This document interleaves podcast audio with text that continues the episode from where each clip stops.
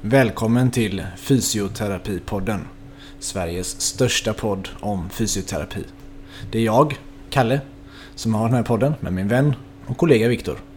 Vi sitter här idag med en strålande utsikt över Göteborgs hamn och varsin glas öl i handen som smakar alldeles utmärkt. Viktor, vad har hänt sen sist?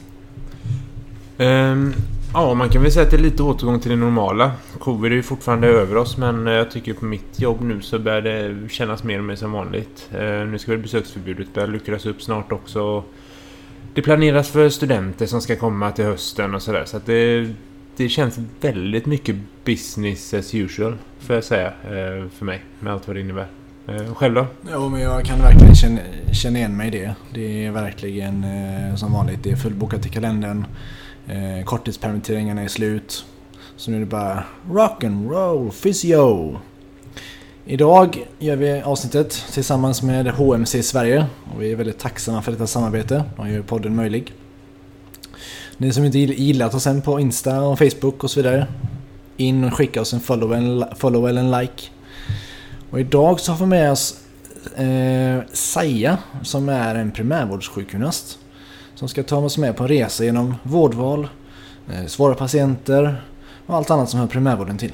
Mm. Det ska bli spännande att äntligen ta oss an detta ganska stora, stora område inom fysioterapi. Men eh, häng med, vi välkomnar Saja. Vi kastar oss direkt in med en eh, faktaruta. Eh, namn? Saja Kader Ertman. Ålder? 33. Hur kom det sig att du började läsa till fysioterapeut? Eh, det kom sig så att eh, jag höll på att fundera lite vad jag skulle göra efter att jag hade gått ut gymnasiet och jobbat några år och sådär. Eh, var på min kusin som pluggade på Göteborgs universitet hade nog faktiskt tagit sig friheten att kolla runt lite. Vad fanns det för utbud i ehm, katalogen? Och hon eh, hörde av sig och sa, du det här med fysioterapi eller då sjukgymnastik, har du funderat på det? Eh, nej, sa jag. Det har jag väl inte. Men eh, vad finns det då? Ingen aning om vad det är för någonting. Så att vi, eh, vi läste på om programmet och jag tyckte det lät eh, intressant med eh, fysiologi och anatomi och de här bitarna. Eh, och sen har jag hört att det är det här med mammorna också, att mammorna har tvingat med i spelet. Så när jag lyfte det här med mamma så sa hon Det tycker jag låter som en bra idé. Gör det! Så det var det så. Så var det spikat. Jajamän. Vart eh, läste du någonstans? Göteborgs universitet. Och när var du färdig? 2012. 2012. Och sen har vi alltid den här frågan om du har någon liten rolig eller pinsam eller dråplig anekdot från yrkeslivet. Eller från studietiden också egentligen. Nej, det passar absolut i den här podden. Något det minsta fysioterapirelaterat. Ja, just det. Eh, nej men eh, det var väl då det här med eh, det här hembesöket som jag gjorde. Eh, hos en gammal tanta som, eh, ja, hon var väl en bra bit över 80 i alla fall. Och jag kanske hade lite föreställningar om hur det skulle se ut på det här hembesöket med hennes funktion och med hennes förmåga och så vidare. Eh, möter upp dottern som tar mig upp till ovanvåningen där den här damen ligger i sin säng. Och eh, hon ska visa mig sina övningar som hon minsann redan gör. Mm. Och varpå tanten gör split och spagat och diverse ja, fantastiska övningar. Och det visar sig att hon är ju gammal dansare. Mm. Så hon har ju koll på läget. Och hon eh, instruerar även sin dotter att hon ska flytta sig så hon mm. kan se vad gymnastikdirektören instruerar. Mm. Så, så det var väldigt, väldigt fint. Väldigt, eh, ja, Eh, man kan ha en föreställning när man går dit och så blir det något helt annat när man går hem. Helt underbart ju. Sjukgymnastdirektör var det yrk, namn på yrket förr i tiden ju. Jajamän. Och jag utgår från att när du såg henne gå ner split att du sa nej nej nej, du måste gå tillbaka och köra benspark med det gula gummibandet igen. Mm. det är väl en klassisk sjukgymnastövning väl? Eller kanske inte. Eller stå på händer, bara för att försöka bräcka tanten. man, man lite. Eh, så vi har bjudit in dig idag för att prata lite om primärvård. Där du jobbar i nuläget. Eh, ska, om du beskriver en vanlig arbetsvecka. Hur, hur, hur ser det ut för dig i nuläget? Det kan vara olika med olika mottagningar. Ja, nej men precis. Jag jobbar på en primärvårdsmottagning eh, som heter Active Rehab. Eh, där vi ja, möter alla olika sorters patienter och patientklientel. Eh, jag har också valt att eh, jobba lite mer med personer som har eh, besvär med stress och eh, uttalad smärtproblematik.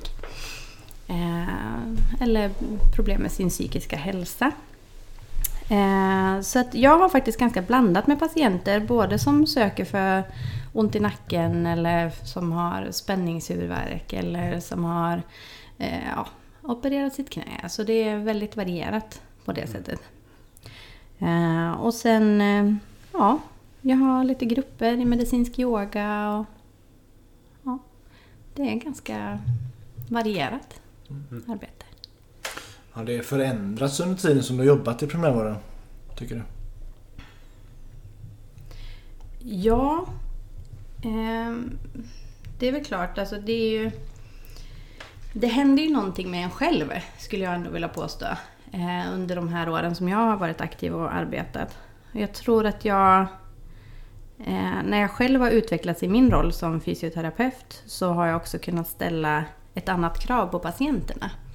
Eh, och jag tror att det blir bättre för både mig och patienten när man kan gå lite djupare i samtalen och dialog och fråga liksom, vad, vad är det du menar med det här och vad är det du vill med det här? Och att man inte bara antar saker utan att man ja, går in på djupet i sin frågeformulering och försöker verkligen få patienten själv att beskriva vad det är hen vill ha hjälp med.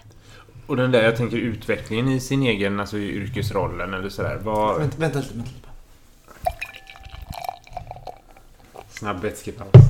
Även utvecklingen i yrkesrollen, vad, vad är det du känner mest har bidragit till den? Är det den här rena att man bara haft tillräcklig mängd patienter att få erfarenhet? Eller är det mycket stöd av kollegor och diskutera patienter med dem på kontoret? Eller är det vidareutbildningar inom metodik? Eller så? Vad tycker du har hjälpt dig mest för att nå det där att kunna göra mer och bättre? Ja, alltså jag tror absolut att det handlar om personlig mognad eh, till ganska stor utsträckning. Eh, och sen så tror jag att det handlar om, ja men som du säger, att man får diskutera sina patientfall. Eh, att man har stöd från eh, seniora kollegor, om man får säga, som eh, har en ja, bredare erfarenhet och har sett mer och även har livserfarenhet på ett annat sätt. kan vara väldigt gott att få stödja sig mot faktiskt. Jag tänker mycket på det här med att du säger att du kan ställa andra krav på patienter. Hur var det i början då? Ja, jag funderar på det. Jag tror att, eh, att det var liksom den här eh, viljan att vilja hjälpa. Att den var så stark. Att eh, jag tror att det är ganska många fysioterapeuter och kanske inom andra vårdyrken också. Men det här att man vill att det ska bli bra för patienten, man vill väl, man vill hjälpa, man vill lotsa vidare. Och att man i vissa fall kanske slår knut på sig själv för att det ska gå vägen. Eh, och det jag känner jag gjorde då mer, det var nog just det. Att jag ställde inte så stora krav. Jag tänkte att det, arbetet låg hos mig. Eh, så att det var inte så mycket teamarbete mellan mig och patienten kanske. Ja, med ditt ansvar än patientens ansvar. Ja, men precis. Och fixa personen i fråga. Och det blir lätt att man sätter värdet av sig själv, eller liksom bedömningen av sig själv som fysioterapeut. Hur duktig är jag som det är direkt kopplat till hur bra mina patienter blir. Och då är det klart att så länge man tänker så så kommer man verkligen slå knut på sig själv för att de ska bli bra. För man vill ju vara duktig själv och vill ju vara en bra fysioterapeut. Precis. Det tror jag många, väldigt många känner igen sig i. Det har ju varit lite debatt om det i facktidningen. Har sett också att många som kommer nya i primärvården de har det kämpigt alltså. Att det ställs höga krav både utifrån och inifrån dem själva säkert också. Så det är väldigt viktigt som chef uppmärksamma detta. Om du har nyanställda sjukgymnaster. Jag tror att det var en väldigt bra grej som jag hade när jag började. Eh, att vi hade lite mentorskap. Så att man hade en, en kollega som man kunde vända sig till specifikt. Hörde du, jag har stött på det här och hur ska jag tänka kring det? Och, eh, tänker jag rätt? Och ibland är det egentligen bara att få höra sin egen formulering. Att nej men det här låter ju tokigt. Eller nej men jag har nog, jag är kanske något på spåren. Och, ja men då kanske du kan testa det här eller det här. Eller, ja, man får eh, stöttning i det och det tror jag var väldigt värdefullt för mig. Och säkert för många andra som har haft eh, liknande upplägg. Mm. Det är lite hur det har sett ut bakåt. Eh, vårdvalet kom ju till primärvården i Västra Götaland 2014 va? Eh, och vi ska komma tillbaka till det senare. Men hur ser de trend för fram, hur ser primärvårdsarbetet ut om tio år? Ja, alltså det är väldigt svårt att... Eh, för mig är det svårt att, att tänka så långt framåt. Eh, men jag tänker lite grann utifrån... Nu blir det ganska breda perspektiv, men jag tänker utifrån hur samhället utvecklas i en rasande takt. Och att vi som människor kanske inte riktigt eh, hänger med i den utvecklingen utifrån hur vi rent eh, biologiskt och evolutionärt är utvecklade. Mm. Eh, att vi, vi, halkar in, vi halkar efter i det. Och då tror jag att det kommer ha konsekvenser för måendet och hur vi behandlar vår egen kropp och vilka krav vi ställer på den och så vidare. Eh, så att ja, vi kommer nog inte ha brist på eh, arbete, tror jag inte. Men jag hoppas att fokuset också flyttar till att ha en ökad förståelse eh, för, för ja, hur de här sambanden hänger ihop. Mm.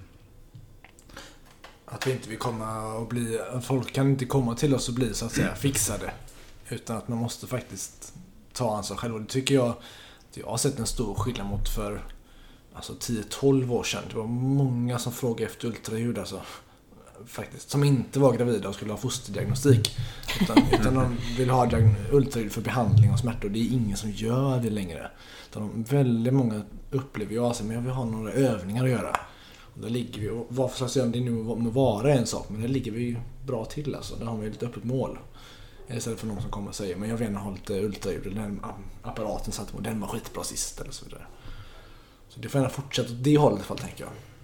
Ja, ett kravställande. Det hänger ju ihop lite med det, tänker jag. Att man ställer krav på patienten. Att jag kommer inte kunna göra dig frisk. Jag kommer i bästa fall kunna ge dig lite tips om hur du bäst blir frisk själv. Men jag kan inte göra jobbet åt dig och det är liksom, vi har alla ansvar. Vilket ju egentligen är en väldig frihet och en bra sak. Att vi har det ansvaret och förmågan själva. Men det är också lite jobbigt. Alltså att ha, känna att det är mig det här kommer bero på. Jag kan inte bara gå hit och få inte som att gå och klippa sig. Nu går jag hit och så är det bra sen. Utan... Ja, det blir ju ganska, ganska bra och direkt resultat av det såklart. Ja. ja. Nej men jag, jag håller helt med i det. det. Det krävs ju någon slags eh, insikt men också att eh, man når patienten i att kunna diskutera de här sakerna. Ehm, och med det tror jag att man behöver tid för att kunna prata, för att kunna lyssna, för att kunna förstå. Vad rör det sig om? Vad har du för förväntningar och vad vill du få ut av det här? Eh, och hur mycket tycker du att, att ja, hur mycket spelar din roll in i detta? Hur mycket kan du bidra med? Att man liksom utforskar det och ser vad, vad man landar i så att man ja, ha någon slags hum om vilken nivå vi, vi ligger på. Och hur vi ska liksom ta oss därifrån. Ja, precis hur man sen flyttar det från vad de är till vart man tycker de ska vara. I förhållande till vilket ansvar de tar och vad de kan. Och det är ju en, det är en konstform att kunna göra det. Vad är det som känns rimligt? Ja. Alltså lite, hur, hur ska vi ta oss dit vi tänker oss? Och är det rimligt med ja, exempelvis då en, en, en långvarig smärtbild? Eh, hur, hur tänker vi kring den? Eh, ja, med de insatser som vi kan ge. Ehm, och vad är förväntningen? Är förväntningen att jag ska bli helt smärtfri? Ja, då, då kanske då har vi att jobba med. Eller då mm. kanske det är jättesvårt att uppnå. Mm, är, är bilden att nej, men jag, jag tänker att jag ska kunna hantera min smärta på ett annat sätt till exempel? Ja men bra. Då, då kan vi rikta oss åt det hållet och så ser vi vad jag kan ge dig för verktyg, verktyg för det. Jag hade lite ACT där va? Acceptance and Commitment Therapy. Mm. aningen i alla fall. Anade du det där någonstans va? Eh, vi kastar oss rakt tillbaka. Det som har hänt senaste åren i, i primärvården här i Västsverige är ju vårdvalet. Det är för ett par år sedan det kom nu men hur förändrar... Jag stack från primärvården när det kom. Men vad hände? Hur påverkade det och hur funkar det idag? Men jag tror att det fanns otroligt mycket farhågor kring vad det här skulle innebära. Eh, och just när det här skedde så var jag på en ganska stor arbetsplats med mm, många fysioterapeuter och sjukgymnaster anställda. Där många också hade arbetat väldigt länge. Och det tror jag att eh, om man har varit med om stora förändringsprocesser tidigare och får möta en till så blir man ganska trött. Så jag tror att det genomsyrade nog ganska mycket det här med omställningen. Och sen är det ju så här att det... eh, Ja, det blev väl en tempoväxling kan man väl säga. Eh, tidigare kanske man kunde styra över sin tid på ett annat sätt. Eh, så nu är det ju krav på ett, på ett annat sätt. Såklart att du måste eh, prestera för att det ska eh, gå runt. Mm. Eh, Och det är klart, det är en skillnad i om man är, tänker jag, i en offentlig eller privat verk. För de privata verksamheterna så var det här en väldig möjlighet att, att vi kan öka, vi kan anställa, nyanställa, vi kan... Eh, många som jag känner som jobbat privat har haft också någon sorts en lite prestationsbaserad lön också. Att om, jag, om vi drar in mer så kommer jag tjäna mer också. Det var möjligheter. Medan man jobbade offentligt så var det... Jag kommer att ha exakt samma löneutveckling som innan. Eh, samma arbetsvillkor som innan gällande flextid och allt sånt. Men jag förväntas jobba mycket mer. Rimligt mängd jobb kanske, men, men förändringen blir ju betydligt mer negativ då. Eh, än, så jag tror väldigt, min erfarenhet när man pratar med folk hur de upplevde vårdvalet var beroende på vem man frågar så kunde det vara så här, det är det bästa som har hänt. till att, ah, nej nu räknar vi bara pinnar. Nu, eh, nu hinner jag inte göra ett bra jobb. Ehm, för den stora arbetsplatsen du var på var en offentlig va? Precis. Eh, och nu jobbar jag inom privat verksamhet. Ehm, men jag fick ju uppleva båda eh, delarna kan man Ja. säga. Då. Eh, eller har fått uppleva båda delarna. Ehm, men det jag kan sakna lite grann det är väl... Men det tror jag... Alltså, ja, min uppfattning är att det är eh, generellt. Men att man saknar tiden för reflektion. Eh, att det inte patientarbete från när man kliver in till man går hem utan att det kanske ska finnas eh, utrymme för den biten också. finns ingen åtgärdskod för Nej, det gör- som ger, ger ersättning. Nej, precis. Så att, eh, ja. Men det är ju upp till också eh, ja, alla mo- mottagningar och alla som eh, driver och leder att eh, inse vikten av att eh, vi ska kunna göra ett gott jobb och då måste vi också kunna få fundera över vad är det vi gör och varför gör vi det? Och vad är det som ger effekt och varför blir, vi, varför blir vissa bra för, av det här och, inte, och andra inte? Och, ja. Det är din favoritfråga Viktor, är ju varför? Varför? Varför? Precis, ja. Varför, varför? du, behöver inte, du behöver inte sälja in mig på att eh, reflektion och grubblande kring varför. Det, Vi kommer till rätt ställe. ja, ja ja, det, Ja. det är jag en, eh, en stark advokat för. Men som sagt, det är alltid väldigt svårt att bevisa värdet av det i, i, en, i den typen av kontext där det är eh, är patienten över 85 och två KVH-koder så får vi 1,5 gånger pengarna för alla tre. Alltså sådär. Där det är ju en omöjlig uppgift såklart förstår jag också från de som ska sätta det här ersättningssystemet. Att sätta upp det för att bli rättvist och bra. Det, det vilar fortfarande ett stort personligt ansvar över både medarbetare och varje enhet. Att skapa sig tiden för reflektion för att göra ett bra jobb trots att man inte får pengar för den direkt. Men man får anställa som jobbar längre och som jobbar bättre. Och jag tänker mycket också att de... Eh, om man nu hade ett krav på att sätta liksom, jag hörde så här 12 poäng på en dag. Och så var ställe, något ställe som fick, de fick 150 kronor per poäng extra. Som drog in över 12 poäng. Va? Det är ju lätt att bara pressa in fem pers till bara för att man kan, alltså man ska ha semester. Ja, alltså jag, Eller Så här, jag är lite till vilken nytta då liksom? Ja. Jag jobbade ju i... Min primärvårdskarriär sträcker sig över nio månader. Någonstans 2008. Precis. Eh, då jobbade jag på en privat mottagning. Där jag fick... Det var jag vikarierade på en etablering. Jag fick ersättning per patient. Jag var liksom, hade en företag och fakturerade. Alltså jag har aldrig haft så mycket patienter som jag hade då. Aldrig jobbat så hårt som jag gjorde då. Men det kanske också blev lite sämre kvalitet för att det var... Nu ska jag ha 14 patienter idag. Nu ska jag ha 10. Det är liksom...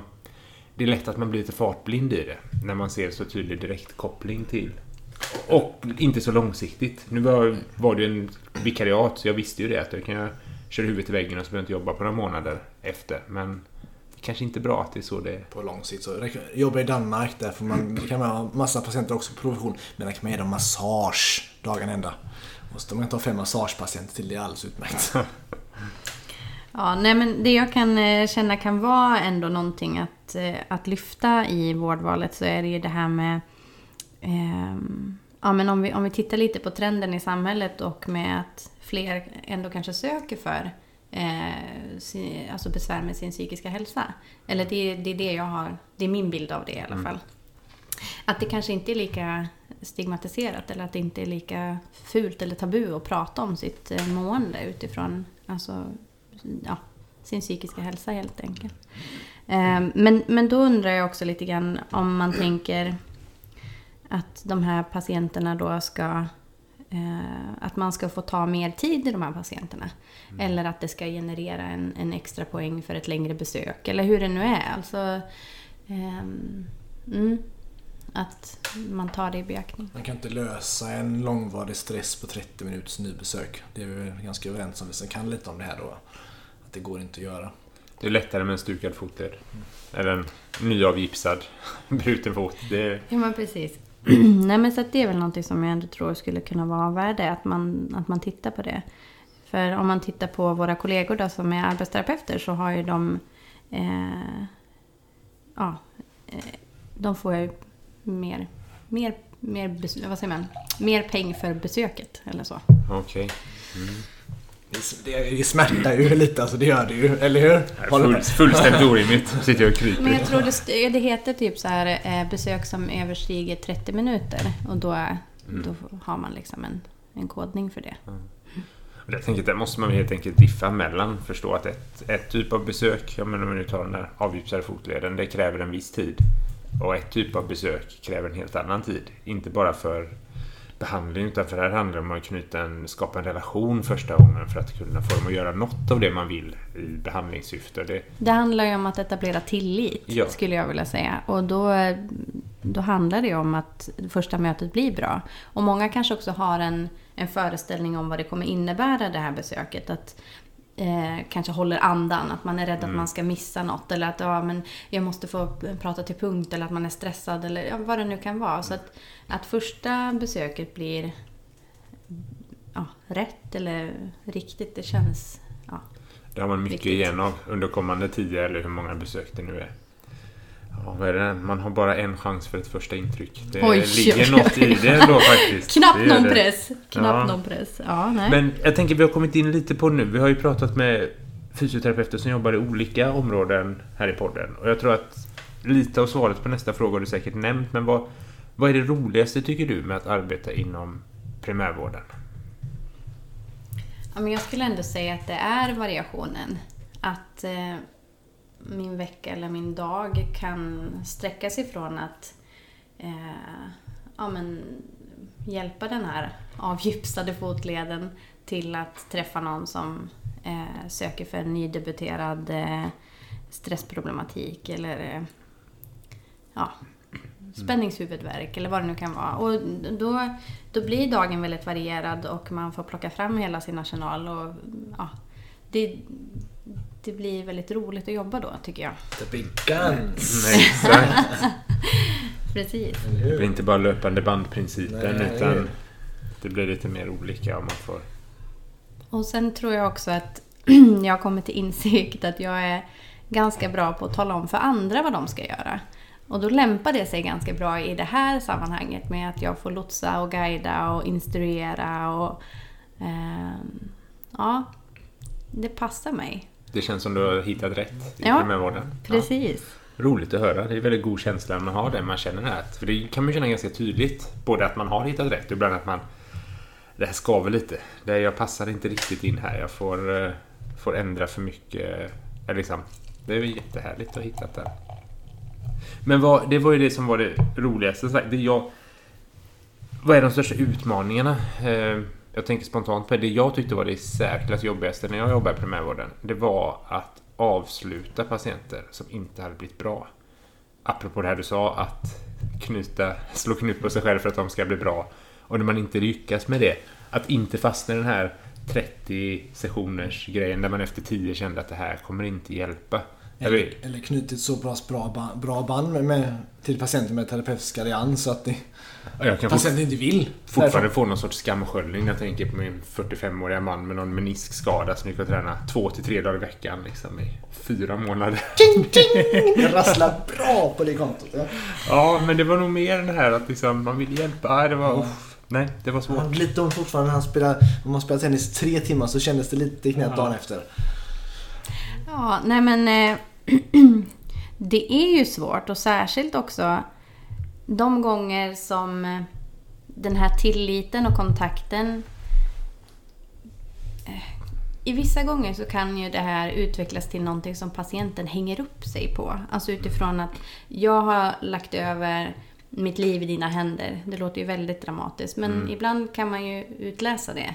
Eh, och du som har hjälpt mig så bra till detta vi måste ju fortsätta. Det här är liksom eh, livsviktigt för mig. Och det kan ju kännas väldigt tungt. Dels för att det börjar då handla om person. Mer än, än vad som faktiskt har skett eh, un, under behandlingstillfällena. Eh, och då, ja, då är det en utmaning i att, att säga det. Att det här är ju faktiskt ett samarbete. Absolut, jag har lotsat och guidat och stöttat dig. Men det är du som har utfört det här arbetet själv. Och någonstans så eh, liksom måste du känna den här inre tryggheten. Att ja, men det är faktiskt jag som har åstadkommit den här förändringen. Eh, våga lita på den. Och våga också fortsätta eh, prestera, och, eller ja, göra det du ska. Och eh, ja, komma framåt. Eh, och att du ska se att du klarar det utan min hjälp. Det blir liksom det här att man har hållit någon i handen och sen måste man släppa taget och så ska man liksom putta på bakom och lite så här fågelmamman ur boet. Och det, jag säger det inte på något sätt för att låta att det ska låta nedlåtande om några patienter eller så. Men det är det här som kan hända ibland. Och då blir det svårt. Det blir svårt för att ja, man får försöka bryta på något sätt. Eh, ja, Hur gör du då? Ja. Försöker jobba med det här med empowerment. Eh, Du kan och du klarar och du har gjort stora framsteg. Eh, Lita på din egen förmåga. Fortsätt som du har gjort. I förändringsarbetet och det kommer gå bra. Eh, Lita på dig själv. Det låter ju verkligen klyschigt men någonstans handlar det ju om att etablera ett förtroende i sig själv. Att jag kan det här, jag klarar detta och det kommer gå bra. Det jag brukar göra är ofta glesa ut uppföljningarna så att det blir längre Ja. mellan uppföljningarna. Precis. Och, så, eh, och skulle det skita sig så att man patienten kommer tillbaka efter sex månader. Nej, det är samma igen. Så här. Då har man ju provat det ett år, halvår och inte funkat och då kan man inte hjälpa någon vidare. Då har man liksom gjort det man kan. Så. Då kan man säga det att nu har vi försökt med det här ett, sex månader, åtta månader om det ska sträcka så långt och det har inte hjälpt dig hittills. Så det är dags att göra någonting annat. Eller om man nu klarar faktiskt själv sex månader. Eh, Så det är lite mer praktiskt så som vi brukar göra. Det blir längre- och längre mellan uppföljningarna. Ja, det kan vara bra litet knep. Glesa ut det. Eh, nu jobbar du på, primär, på primärvården och eh, ni har ingen läkare hos er eller? Nej, det har Nej. vi inte. Däremot så har vi ju olika läkare som eh, kan hänvisa till oss när de inte har egen rehab. Ja. Har Hur ser samarbetet ut där? Om ni ska alltså, skicka tillbaka patienten eller om ni ska eh, ja, diskutera ett fall? Eller så, hur funkar det? Mm. Eh, nej men, många gånger så är det ju det där att du får en remiss i handen och så står det förslag på åtgärder och så vidare.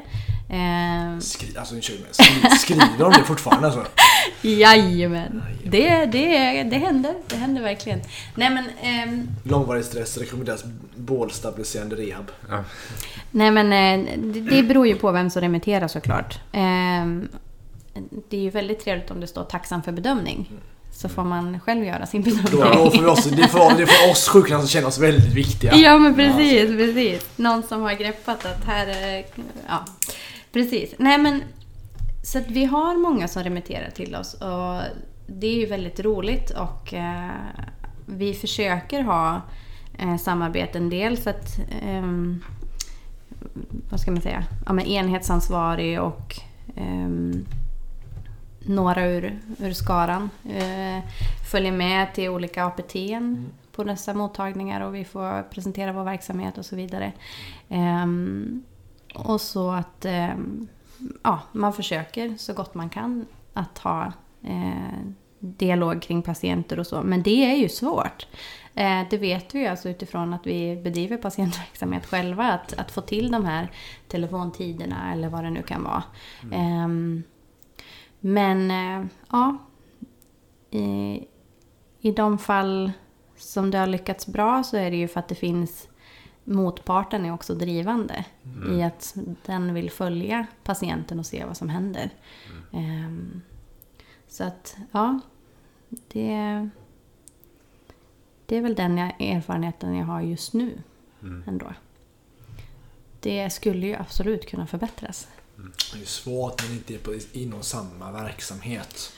Det är inte samma huvudman. Nej, precis. Nej. Vi lyssnade nyligen på en eh, föreläsning från en, en mottagning där ja, men, den här fysioterapeuten hade ortopederna dörr i dörr eller vägg i vägg eller under samma tak. Mm. Att man bara kan traska över och fråga du den här patienten. Eller det blir liksom inte den där långa vägen.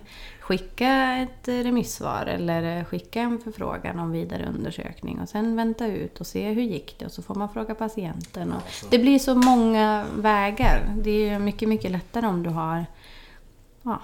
Och lyckas man där få eh, iväg patienten eller få en remiss eller läkaren som kollar på det så, och de inte ska tillbaka till sjukgymnasten så det är sällan som man får en, tillbaka, en återkoppling på vad hände faktiskt. Gjorde jag rätt bedömning så skickar jag till läkaren eller vad var det som faktiskt hände. Det är sällan man får det. Och det gör det, så, gör det svårt att ja, utvecklas och tänka att men här gjorde jag rätt och det där skulle jag ha behållit. Det gör det svårt. Ibland får man ju bekräftelse från patienten. Ja, men läkaren tyckte det var jättebra att, ja, eh, ja visst, men det är ju gott att den man har kontaktat hör av sig också. Ja. Ja. Men jag tror det är det där, man ska aldrig underskatta den här lokal, alltså fysiska närheten. Nej, det, precis. Sen är det klart att det är svårt att få till det överallt. Det är ju inte konstigt. Men, men man ska inte tro att det spelar ingen roll. Man kan ju kommunicera lika bra via telefon. Det kan man inte. Den här man bara går förbi kontoret, sticker in huvudet. Du förresten, hur gick det med Astrid där? Alltså den, den går inte Nej. att komma ifrån vikten av det. Vi är väldigt eh, privilegierade, privilegierade för vi har ju både ortopedläkare, och neurologläkare och psykiatriker. Liksom, ja, antingen våningen ner eller dörr i dörr eller i fikarummet om inte annat. Och ett internt mailsystem som man kan liksom, där man alltid kan kommunicera väldigt effektivt så. Och det, det går ju fortare då, man får snabb återkoppling och det blir mer effektivt för alla, även för patienten såklart. Ja, där finns lite att jobba på. Mm. Säg om du skulle idag få möjligheten att starta upp en helt egen remottagning. Budgeten är helt obegränsad. Eh, hur skulle du bygga upp en sån? Ja, alltså i och med att, ja, men det vi precis var inne på. Eh, jag saknar ändå teamarbetet eh, runt patienterna. Ehm, eller att man ska kunna ha någon kollega att konsultera. Eh, och då kanske det är läkare, det kanske är psykolog eller vad det nu kan vara. Ehm, men ändå att man ska kunna ha det här fysiska mötet tillsammans. Eh, och att man stämmer av, att man strävar åt samma håll, att behandlingen går åt samma håll ehm, vad man tänker sig. Så att man inte bara har en föreställning om vad den andra gör. Utan att man, eh, ja, att man stämmer av det. Försöker rikta sig åt samma håll. Eh, och sen eh, ja, skulle det ju vara jätteroligt med mer tid. Kanske lite mer frihet i att... Kom ihåg, obegränsad budget. precis. Eh, ett bollhav. Nej.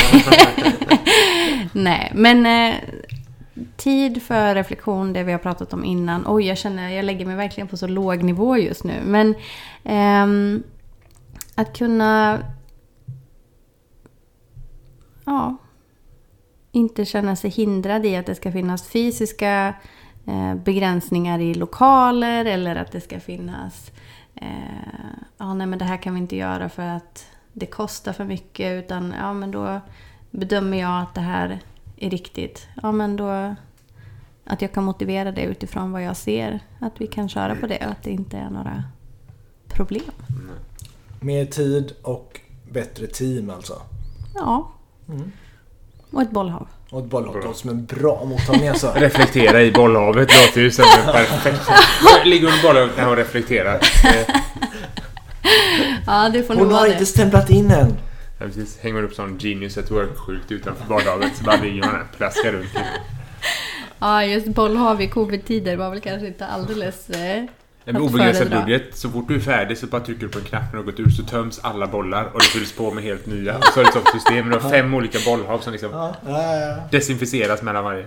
toppen. Jag känner att ni är ju givna eh, anställda i det här Ring, nya ring, mottagningen. ring, ring mig. Perfekt. En, poddstudio så är vi där. Det var obegränsad budget va? Så kan vi komma och podda på mottagningen. Oh. Perfekt. Studion, poddstudion. Ja. Sen någonting mer som du vill eh, ha sagt? Det är ju skamlöst bara. Eh, nej men jag tänker att eh, jag är så otroligt eh, glad för att jag har fått eh, komma och sitta här med er idag. Ehm, eh, ett hedersuppdrag.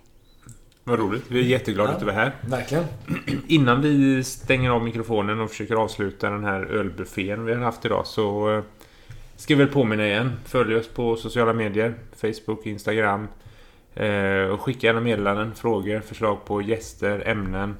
Eh, vi har en ganska fullspäckad första halvan av hösten men sen har vi inte bokat så att det, vi välkomnar alltid förslag och idéer. Och så kommer jag säga att, och även vi sen då tar hissen ner. Jajamän. Ja, det är fjärde våningen vi är på såklart. Fyrstepipodden, Sveriges största podd om fyrstepi. Vi finns där poddar finns. Ha det bra.